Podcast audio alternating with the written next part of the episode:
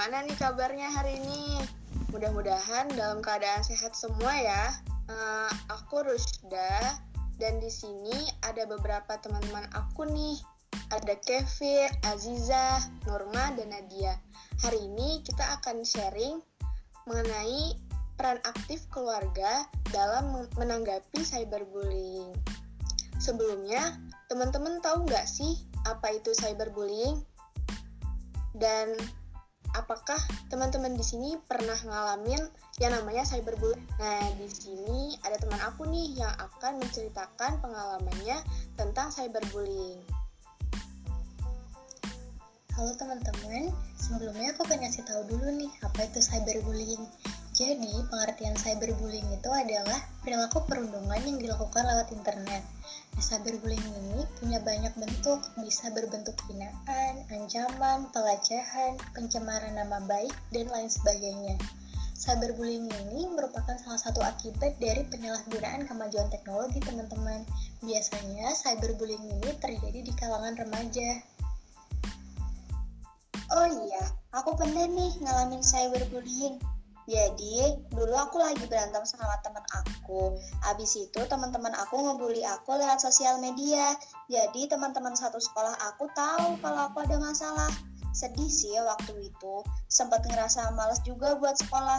Tapi, aku dapat support penuh dari keluargaku untuk nyelesain masalah itu. Oh, gitu ya ceritanya. Tapi sempat jadi beban gak sih buat kamu sendiri Terus bisa diceritain nggak bentuk support apa yang diberikan oleh keluarga kamu ketika kamu menghadapi masalah tersebut? Um, iya, support yang dikasih keluarga aku tuh kayak nyemangatin aku dan bilang kalau setiap masalah itu pasti ada jalan keluar. Jadi aku makin optimis buat nyelesain masalahku sama teman aku itu.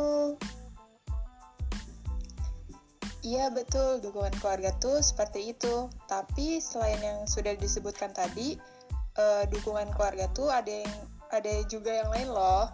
Seperti mengawasi setiap kegiatan sosial media anak-anak, membuat anak nyaman untuk selalu terbuka jika ada masalah, dan memberikan pengetahuan tentang cyberbullying. Oh, jadi gitu ya ternyata cyberbullying. Uh, terus ada nggak sih dampak sih dari cyberbullying ini?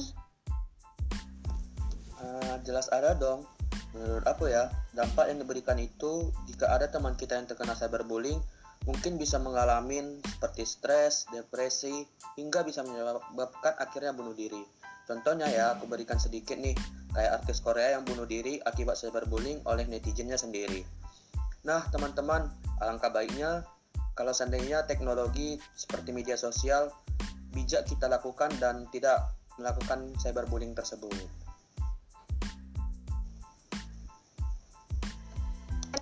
Nah, mengingat bahaya dari cyberbullying, maka seharusnya kita sebagai generasi penerus bangsa tidak melakukan hal tersebut.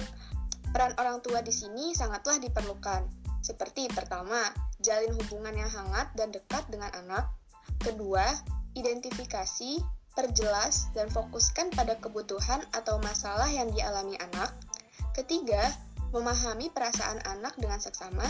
Dan yang terakhir yaitu semua komunikasi harus terjalin dengan jelas. Nah, itu tadi informasi terkait cyberbullying dan bagaimana peran keluarga dalam mengatasi hal, hal tersebut. Jangan sampai kita jadi korban ataupun pelaku cyberbullying ya.